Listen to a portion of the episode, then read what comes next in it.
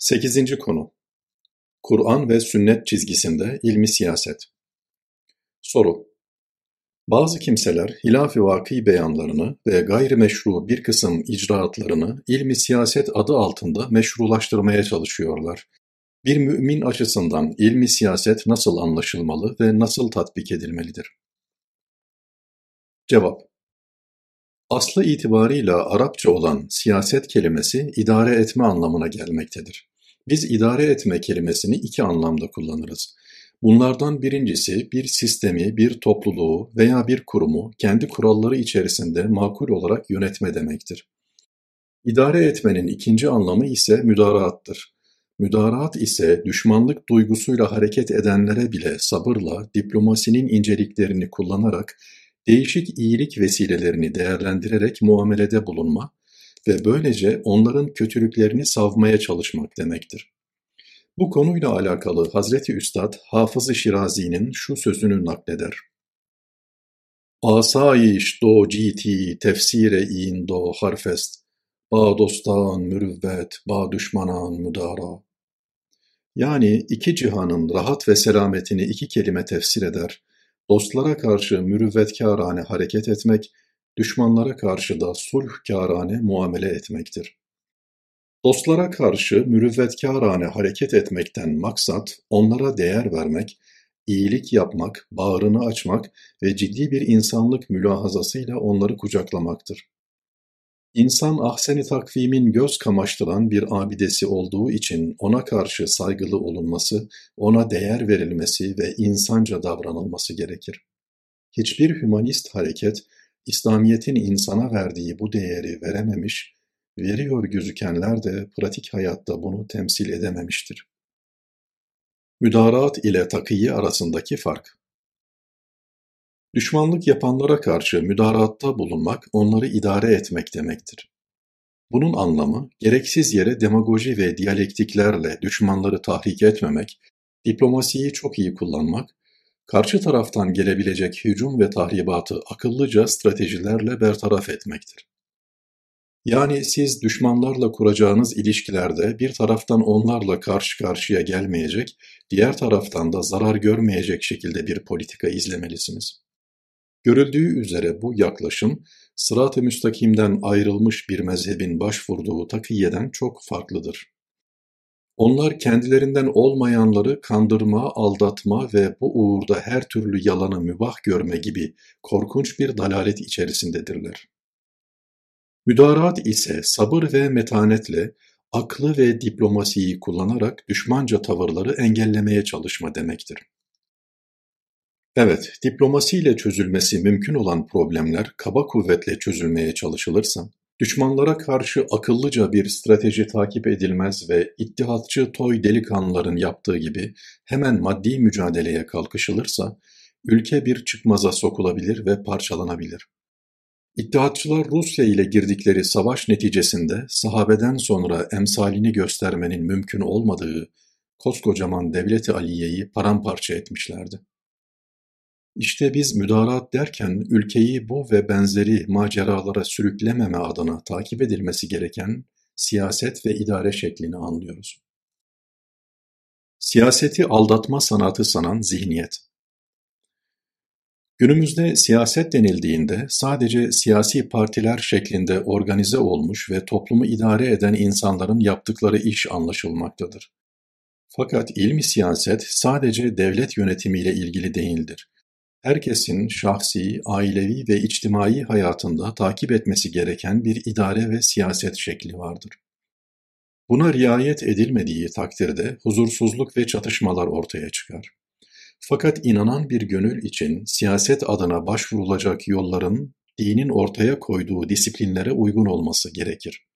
Dolayısıyla küçük daireden başlamak üzere devlet yönetimine kadar hangi alanda olursa olsun gayrimeşru icraatların ve Müslüman kimliğine yakışmayacak tavır ve davranışların ilmi siyaset olarak görülemeyeceğini ifade etmek gerekir. Örnek vermek gerekirse, devletlerin devletler muvazenesinde güçlü bir yere sahip olma, sahip olduğu bu gücü devam ettirme, gözünün içine baktırma, onayı alınmadan başkalarına iş yaptırmama gibi bir kısım hedefleri vardır. Şayet onlar bu hedeflerine ulaşmak için farklı bahanelerle dünyanın değişik yerlerindeki yeraltı ve yerüstü zenginliklerini sömürme, nazari planda olan düşmanlıkları kendilerine yapılan kat'i bir taarruz gibi göstererek başka ülkelere girme, oranın insanlarını kendi ruh ve mana köklerinden uzaklaştırma ve onları benliksiz, kimliksiz hale getirme gibi yollarla başkalarına zulmediyor, hukuku ihlal ediyor ve despotluk yapıyorlarsa buna siyaset denmez. Buna dense dense insaf ve vicdanını kaybetmiş devlet terörü denir. Kendi konumlarını korumak isteyen bir kısım ülkeler bu tür gayrimeşru siyasetler takip edebileceği gibi ülke içerisinde yönetimi ele geçirmiş olan bir kısım insanlar da kendi ikbal ve istikballeri adına bu tür hukuksuzluklara girebilirler. Onlar kendileri bir yana çocuk ve torunlarının bile geleceğini garanti altına alma adına stoklar yapar, sürekli kendi ekiplerini iş başına getirmeye çalışır, kendilerinden olmayan insanlara hayat hakkı tanımaz ve bir de bütün bu mesavilerini geniş halk kitlelerine kabul ettirebilme adına bir kısım kılıflar bulurlar.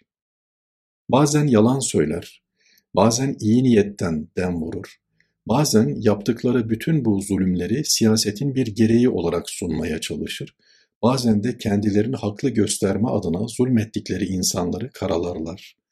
Fakat her ne kadar dindar görünseler, Sürekli dinden imandan bahsetseler ve Müslümanlığı kimseye bırakmasalar da bu zulümleri yapanlar Allah Resulü'nün sallallahu aleyhi ve sellem ve onun raşid halifelerinin takip ettiği siyasetten fersah fersah uzaktırlar. Zulmü meşrulaştırma çabası Bütün bunların yanında meşru ve masum zannedilerek yapılan gayrimeşru işler de vardır. Diyelim ki birisi bir camide vaizlik yapıyor Vazifesi bitip kendisi kürsüye veda ettikten sonra oraya bir yakınını getirmek istiyor ve onun vaizlik için liyakati olduğunu düşünüyor. Arkasından da onu bu göreve getirebilme adına bu konudaki kanun ve mevzuatın amir hükümlerini görmezden gelerek kendine göre bir yol takip ediyor. İşte bu da hiç farkına varmadan gayrimeşru bir yola sapma demektir. Farklı bir ifadeyle meşru gibi görünen bir hedefe ulaşma adına gayrimeşru yolları kullanma demektir. Aynen bunun gibi devlet yönetimini ele geçiren bazı kişiler halkı soyup soğana çevirirken, kendi kasalarını doldururken, gayrimeşru yollarla elde ettikleri paraları başka ülkelerin bankalarında stoklarken mesela şöyle diyebilirler. Bizim güçlü olmamız lazım. Zira olur da yarın biz bu imkanları kaybedersek bir kere daha derlenip toparlanabilelim, mensup olduğumuz hizbi yeniden canlandıralım, parçası olduğumuz organizasyonu yeniden harekete geçirebilelim. Bütün bunlar bu ülkeye ihanet ölçüsünde zarar veren davranışların arkasında yer alan ve masum gibi görünen mülahazalardır. Masum gibi göründüğünden ötürü de mütedeyyin insanlar bile bu tür yollara başvurabilirler. Fakat bu düpedüz bir dalalettir, emanete düpedüz bir hıyanettir. Bu tür yollara tevessül eden insanlar hiç farkına varmadan gelecekte yaşayacakları rezilliklere kendi elleriyle davetiye çıkarmış olurlar. Şayet hem onlar hem de onları destekleyen kitleler bütün bunları umuru siyasetin bir gereği sayıyor ve bunun ismine ilmi siyaset diyorlarsa büyük bir aldanmışlık içindeler demektir. Çünkü her şeyden önce siyasetin ahlaki ve dinin prensiplerine uygun olması gerekir. Müslüman bir siyasetçi idare ve siyaset adına Allah Resulü'nün sallallahu aleyhi ve sellem ve onun varislerinin izlediği yolu izlemek zorundadır. İnsanlığın iftihar tablosu ve onun hakiki varisleri ise hayatlarını ciddi bir helal haram hassasiyeti içinde geçirmiş ve asla gayrimeşru alana adım atmamışlardır. Bu açıdan gayenin meşruiyetinin yanında vesilelerin de meşru olması adına kılı kırk yararcasına hassas hareket etmek gerekir. Özellikle zirveleri temsil edenler bu konuda hassas yaşarlarsa hem çevrelerine güven telkin etmiş hem de başkalarına örnek olmuş olurlar. Halkın güveni en büyük kredi. Esasında Allah yolunda hizmet eden adanmışların dünyanın dört bir yanında hüsnü kabulle karşılanmalarının altında yatan sır da budur. Onlar istikametten ayrılmadıkları, yaptıkları hizmetleri dünyevi uhrevi herhangi bir beklentiye bağlamadıkları ve şer'i disiplinlere uygun hareket ettikleri için muvaffak olmuşlardır. Bundan sonra da aynı azim, kararlılık, hassasiyet ve sabırla hareket ettikleri takdirde Cenab-ı Hak onlara kalplere giden yolu daha da açacaktır. Şahsen benim yeryüzünde bir dikili taşım bile yok. Olmasını da hiç arzu etmedim. Hatta kendimin değil, kardeşlerimin bile böyle bir imkana sahip olmaması için dua ettim. Yakınlarımı bir yerlere getirmeyi hiç düşünmedim. Yakınımda duranlara ev edinmemelerini ve zaruri ihtiyaçlarını karşılayacak ölçüde bir hayat standardıyla yaşamalarını tavsiye ettim. Başkalarına güven telkin etmenin yolu da kanaatimce budur. Siz azıcık kendinizi düşünseniz halkın nazarında güven erozyonu yaşarsınız. Dünyanın 170 ülkesine ulaşmış ve dalıyla budağıyla her yere ser çekmiş olan bu gönüllüler hizmetinden millet elini çektiği zaman Allah'ın inayeti de kesilir ve yapılan işler akamete uğrar. Evet, tevfik ilahinin vesilesi milletin himmetini yanınızda bulundurmaktır. Bu vesileyi yok ettiğiniz zaman Allah'ın tevfiki de kesilir. Dokuzuncu konu Hakiki ve şekli Müslümanlık Soru Yazı ve sohbetlerinizde sık sık Müslümanlığın şekil ve suretten ibaret olmadığını ifade ediyorsunuz. Bu hususu biraz açabilir misiniz? Cevap Soruda da ifade edildiği üzere, Müslümanlık sadece şekil ile suretten ve bir kısım formaliteleri yerine getirmekten ibaret değildir. Bilakis Müslümanlık bir gönül işidir yani şeklin yanında asıl önemli olan öz ve manadır. Nitekim Allah Resulü sallallahu aleyhi ve sellem İnna Allah la yanzuru ila suverikum ve emvalikum velakin yanzuru ila kulubikum ve a'malikum. Allah Teala sizin suretlerinize ve mallarınıza bakmaz. Sizi ona göre kıymetlendirmez. Bilakis sizin kalplerinize davranışlarınızdaki samimiyete bakar ve hakkınızda buna göre hüküm verir sözleriyle bu hakikate dikkat çekmiştir. Anadolu'nun saf ve duru sesi Yunus Emre de bir şiirinde dervişlik dedikleri hırka ile taç değil, gönlün derviş eyleyen hırkaya muhtaç değil mısralarıyla şekil ve görüntüden ziyade asıl üzerinde durulması gerekli olanın gönül olduğunu vurgulamıştır. İç dışa bir çevrilse, bu açıdan Müslümanlıkta önde görünen, gürül gürül onu temsil ettiği iddiasında bulunan nice insan vardır ki, hakikatte onların nezd-i uluhiyette zerre kadar kıymeti harbiyeleri yoktur. Evet, onlar bu dünyada Müslümanlık adına ön safta görünseler de, ötede perişan ve derbeder bir vaziyette olacaklardır. Buna karşılık burada kendisine değer atfedilmeyen, arkalarda görünen öyle insanlar da vardır ki, manevi hayatlarında evliya, asfiya, ebrar ve mukarrebinle at başı gittiklerinden dolayı ötede onların önüne geçmiş oldukları görülecektir. Bu açıdan dış görünüşe, ağızdan çıkan laflara, şekil ve suretlere bakarak insanlar hakkında bir yargıya varmak, her zaman için bizi isabetli neticelere götürmeyebilir. Bu hakikate dikkat çeken Allah Resulü sallallahu aleyhi ve sellem bir hadisi şeriflerinde şöyle buyurmuştur. Rubbe eş'ase medfu'in bil ebvabi lev aksema alallahi le eberrahu. Nice saçı başı dağınık olan, önemsenmediğinden ötürü kapı kapı kovulan insanlar vardır ki, şayet onlar herhangi bir hususla alakalı yemin edecek olsalar, Allah onları yeminlerinde yalancı çıkarmaz. Sakın yanlış anlaşılmasın. Bu tür yüce makam ve konumları ihraz edebilmesi için insanın ille de fakir ve hakir görünmesine gerek yoktur. Kalp selameti bulunduğu ve konumun hakkı verilebildiği takdirde Belirli dünyevi makamlarda bulunan kimseler de Allah'ın izniyle onun katında kıymetler üstü kıymete ulaşabilirler. Bu konuda Hulefai Raşidin efendilerimizden her biri bizim için ne güzel örnektir. Gerçek liderlerin göz yaşartan hayatları. Bilindiği gibi Hazreti Ebubekir Efendimiz maaşından arta kalan miktarı bir testi içinde biriktirmiş ve vefatı sırasında onun kendisinden sonraki halifeye teslim edilmesini istemiştir. Mesele Hazreti Ömer'e intikal ettiğinde o, öyle bir hayat yaşadın ki Müslümanca hayatı bize yaşanmaz hale getirdin demiştir. Müslüman olmadan önce büyük bir servet sahibi olan Hazreti Ebubekir Efendimiz, sahip olduğu bütün malı mülkü Allah yolunda harcamış, sahip olduğu imkanların zerresini dahi kendi hesabına kullanmayı düşünmemiş, Cenab-ı Hakk'ın kendisine bahşetmiş olduğu onca geniş imkana rağmen öbür tarafa giderken dünyevi imkanlar adına elleri boş gitmiştir. Hazreti Ömer Efendimizin hayatı ondan farklı değildir. Millet başkanı olduğu dönemde halktan orta seviyedeki bir insan ne ile geçiniyorsa kendi maaşının da buna göre belirlenmesini istemiştir. Kıtlığın yaşandığı bir dönemde ise hizmetçisine halkın en düşük seviyedeki bir ferdinin ne ile geçindiğini sormuş.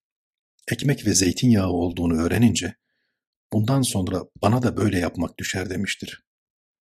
O günün iki süper gücünün hakkından gelen bu büyük halife ahirete giderken ellerini silkelemiş ve dünyadan öyle ayrılmıştır. İşte dünyevi ve uhrevi muvaffakiyetin temel esası öyle bir kıvamdan geçmektedir. Hazreti Osman Efendimizin de kendisine göre ayrı bir fazileti vardır. Beni Ümeyye'den gelen ve büyük bir servete sahip olan Hazreti Osman, Muktedai Küllü Rehberi Ekmel Efendimizin aleyhi salavatullahi ve selamu infak talebi karşısında hiç tereddüt etmeden yüzlerce deveyi yüküyle birlikte vermiştir. O da fevkalade civan mertliğiyle kendinden önceki iki halifenin faziletini yakalayacak ufka ermiştir. Keza Hazreti Ali Efendimiz ömür boyu eline geçen parayı yarısını açıktan yarısını da gizli vermek suretiyle infak etmiş, sahip olabileceği onca imkana rağmen ahirete fakir bir insan olarak yürümüştür. Bu yüce kâmetler, Cenab-ı Hakk'ın kendilerine lütfettiği geniş dairedeki tasarruf haklarını, makam ve payeleriyle gelen imkanları asla kendi çıkarları istikametinde kullanmamışlardır. Onlar kendileri adına bir menfaat peşinde koşmadıkları gibi sahip oldukları imkanları oğulları, kızları, yakınları, tayfaları ve taraftarlarına bir şey kazandırmaya vesile de kılmamışlardır. Lider müsveddeleri ve felakete sürüklenen toplumlar. Milletin emanet verdiği imkanları kendi şahısları, eşleri, evlatları vesaire için kullanan insanlar küfre düşmüş mü olur? Elbette böyle yapan insanlar küfre düşmüş olmazlar. Fakat onların kafir sıfatlarıyla ittisaf ettiklerinde şüphe yoktur. Hatta beş vakit namaz kılsa, her sene hacca gitse ve oruçlarını tutsalar da bu konudaki zafiyetlerini düzeltmedikleri sürece kafir sıfatları bir mikrop gibi onların bünyelerinde barınmaya devam edecek. Belki de onların tavır ve davranışlarında bir kısım inhirafların ortaya çıkmasına sebep olacaktır. Evet, onlar bünyelerinde tıpkı AIDS virüsü gibi bir virüs barındırdıklarından yanlış düşünecek, yanlış konuşacak, yanlış karar verecek, yanlış icraatta bulunacaklardır. Netice itibarıyla başında bulundukları insanları yanlış politikalarla felakete sürükleyeceklerdir. Unutmamak gerekir ki Allah Celle Celaluhu insanlar hakkında onların sahip oldukları sıfatlara göre hüküm verir. Mesela sadakat sahibi olma, başkalarının ırz ve namusuna karşı hassas davranma, iffeti ve ismetiyle yaşama, kimsenin malına mülküne göz dikmeme, teavün düsturunu işler hale getirme, tembelliğe karşı ilani harp etme, zamanı tanzim etme, imkanları rantabl olarak değerlendirme, araştırma ve hakikat aşkıyla varlığı didik didik etme gibi gerek tekvini gerekse teşrii emirlere ait sıfatlar birer mümin sıfatıdır. Kim bu sıfatlara sahip olursa Allah onu muvaffak kılacak. Bu sıfatlara sahip olmayanlar ise hem bu dünyada hem de ötede cezalandırılacaktır. Evet, bir insan dindarım dese, Müslümanlığı kimseye bırakmasa da, eğer tembel tembel kahvede oturuyor, Bu tembelliğine dedikoduyu, gıybeti, iftirayı ilave ediyor. Sadece zanlarla hareket edip başka müminler hakkında kötülük düşünüp kötülük konuşuyorsa, kafir sıfatlarla mutasıf bir hayat yaşıyor demektir. Bu sıfatlara sahip olan insan ise muhal farz bir hareketiyle gökteki yıldızları yere indirse, yeryüzündekilere bir maytap şenliği yaşatsa, ışık ziyafetleri çektirse bile Allah katında bunların hiçbir kıymeti harbiyesi yoktur. Belki geçici bir süre bir göz bağcılıkla insanları aldatabilir. Fakat böyle birisi Allah'la sağlam bir irtibat kurmadığı, mümince bir çizgide yürümediği ve peygamberlerin yürüdüğü çizgiyi takip etmediği için yalancı bir ışık gibi parlar ama kısa bir müddet sonra söner gider ve peşinden gidenlere de hüsran yaşatır. Bugüne kadar niceleri böyle göz bağcılıkla bir süreliğine kitleleri arkalarında sürüklemişlerdir. Fakat çok geçmeden, arkada hiçbir iz bırakmadan çekip gitmişlerdir. Doyma bilmez iştiha. Bu itibarla bir mümin şekli aldanmamalı, asıl olanın öz ve ruh olduğunu unutmamalı, ihlas ve samimiyetten ayrılmamalı, bütün hareket ve hamlelerini Allah rızası ile irtibatlandırmalı. Attığı her adımda murad-ı ilahiyi talep etmeye çalışmalıdır. Çünkü hayatını Allah'ın vaz ettiği disiplinlere uygun olarak tanzim etmeyen bir insan, nefsinin ve şeytanın yönlendirmelerine açık hale gelecektir. Böyle birisi fırsatını bulduğunda kendi kesesini ve banka hesaplarını dolduracak, hatta kendi ülkesinin bankaları yeterli gelmeyince başka ülkelere para transferleri başlayacaktır. Dahası akla hayale gelmeyecek hilelerle milleti soyup soğana çevirecek, milletten gasp ettiği paralarla kendi saltanatını kurmaya çalışacaktır. Bu tür şeytanca mülahazalarla hareket eden birisi ise mümin görünse bile küfür yolunda yürüyor demektir. Bir dönemde insanlar hangi yol ve yöntemlerle belirli muvaffakiyetlere imza atmış, belirli zaferler elde etmişlerse, başka bir dönemde onun dışındaki yollarla aynı mazariyetler elde edilemez. Bunun için öncekilerin gittikleri yolun takip edilmesi gerekir. Evet, katiyen gayrimeşru yollarla meşru bir hedef yakalanamaz. Hedefin makul, meşru ve ilahi olması gerektiği gibi o hedefe götüren yol ve yöntemin de aynı şekilde meşru olması gerekir.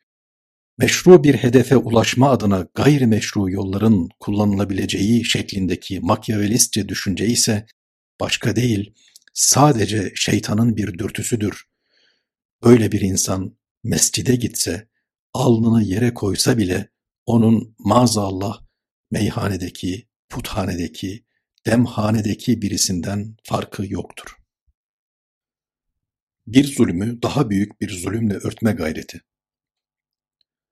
İdarenin hangi kademesinde bulunursa bulunsun, milletin malını hortumlama, ihaleye fesat karıştırma, rüşvet alma, bohemce bir hayat yaşama veya kendi çevresini kayırma gibi büyük günahları işleyen insanlar, bu melanetlere başkalarının muttali olmasını istemezler. Dolayısıyla kendilerinden olmayan ve işledikleri gayrimeşru işleri tasvip etmeyen temiz ve dürüst insanların yaptıkları melanetlere muttali olabilecekleri konumlara gelmesinden rahatsızlık duyarlar. Kendilerine engel olunacağından, yaptıklarının deşifre edileceğinden, aldattıkları kitleler nezdinde kredi kaybedeceklerinden korkar. Bütün bunları engelleyebilmek için dürüst ve temiz insanlara akla hayale gelmedik yollarla baskı uygularlar. Çünkü her suçlunun cürmünü örtme ve içinde bulunduğu suçtan sıyrılma gibi bir gayreti vardır. Hatta onlar kendilerini masum gösterme adına başkalarına değişik kusurlar isnat etmek suretiyle atf-ı cürümde bulunmaktan da kaçınmazlar. Bütün bunların yanı sıra onlar konumlarını, makamlarını ve geleceklerini garanti altına alabilmek için kendilerine muhalif gördükleri insanları uydurdukları bir kısım ad ve unvanlarla karalamaya ve itibarsızlaştırmaya çalışırlar. Bunun da ötesinde bütün kapıları onların yüzüne kapamaya ve bulundukları yerlerden tecrit etmeye gayret ederler. Onlar başkalarının kendi günahlarına muttali olmasını istemedikleri gibi daha rahat hareket edebilmek için çevrelerini de kendilerine benzetmeye çalışırlar. Çünkü aynı mesavi ve suçları irtikap eden insanlar birbirleriyle rahat anlaşırlar. Onlar hem eleştiri almamış olur hem de yaptıkları işten vicdan rahatsızlıklarını susturmaya çalışırlar. Fakat asla unutulmamalı ki bütün bu fiil ve sıfatlar bir müminde bulunsa bile kafirce muamele ve sıfatlardır.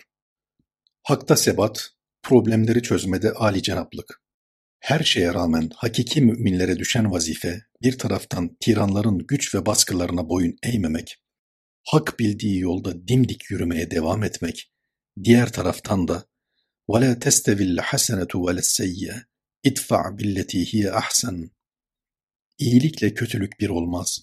O halde sen kötülüğü en güzel tarzda uzaklaştırmaya bak. Ayeti kerimesi gereğince kendilerine kötülük yapan insanlara bile bir iyilik yolu bularak onları kötülükten alıkoymaya çalışmaktır. Hani Hazreti Mevlana'nın bir ayağım dinin merkezinde, diğer ayağım 72 milletin içinde. Veya gel gel ne olursan ol yine gel, ister kafir, ister mecusi, ister puta tapan ol yine gel. Bizim dergahımız ümitsizlik dergahı değildir, yüz kere tevbeni bozmuş olsan da yine gel. şeklinde sözlerinden rahatsız olan hoca kılığındaki bir adam onun karşısına dikilerek ağzına ne geliyorsa söyler. Zındıksın, fasıksın, insanları baştan çıkarıyorsun, herkese kucak açarak Yahudiye, Hristiyana, Mecusiye yahşi çekiyorsun gibi laflar söyler.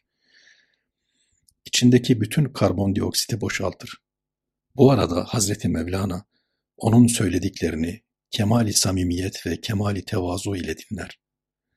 Söyleyecek bir sözü kalmayınca Hazret, söyleyeceklerin bitti mi der. Evet cevabını alınca da, bu bağrım sana da açıktır, sen de gel der. Evet, birileri farklı gerekçeler uydurarak bütün kapıları sizin yüzünüze kapatabilir. Asgari temel hak ve hürriyetleri bile size çok görebilirler. Hatta dünyanın ta öbür ucundaki hayırlı bir kısım hizmetlerinize dahi engel olmak isteyebilirler. Buna karşılık siz, size düşeni yapmalı, hasbunallah, Allah bize yeter deyip doğru bildiğiniz yolda salih amel işlemeye devam etmelisiniz.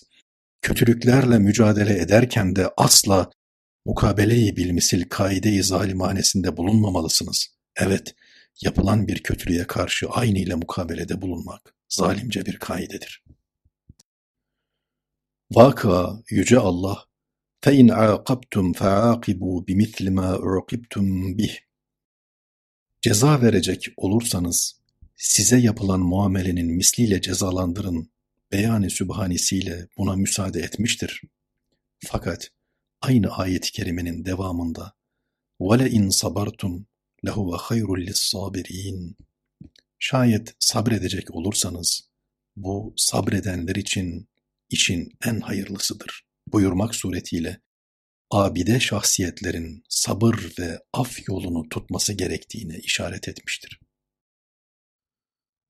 Nitekim Efendimiz sallallahu aleyhi ve sellem hayatı seniyeleri boyunca kendisine her türlü kötülüğü reva görenlere karşı hep affü saf ile mukabelede bulunmuştur. O sallallahu aleyhi ve sellem Mekke fethi sırasında öyle bir imkanı kendisine bahşeden Allah'a karşı tevazuun bir gereği olarak mübarek başı bineğinin eğerinin kaşına değecek şekilde iki büklüm oraya girmiş. O güne kadar kendisine her türlü kötülüğü yapmış insanların endişe ve korkuyla haklarında verilecek hükmü beklediği esnada kendisinden birkaç bin sene önce Hazreti Yusuf'un kardeşlerine dediği gibi, o gün size ayıplama ve kınama yoktur. Gidin hepiniz serbestsiniz demiştir. İşte civan mertlik ve işte âli cenaplık budur. Günümüzdeki peygamber varislerinin takip etmesi gereken yol da budur.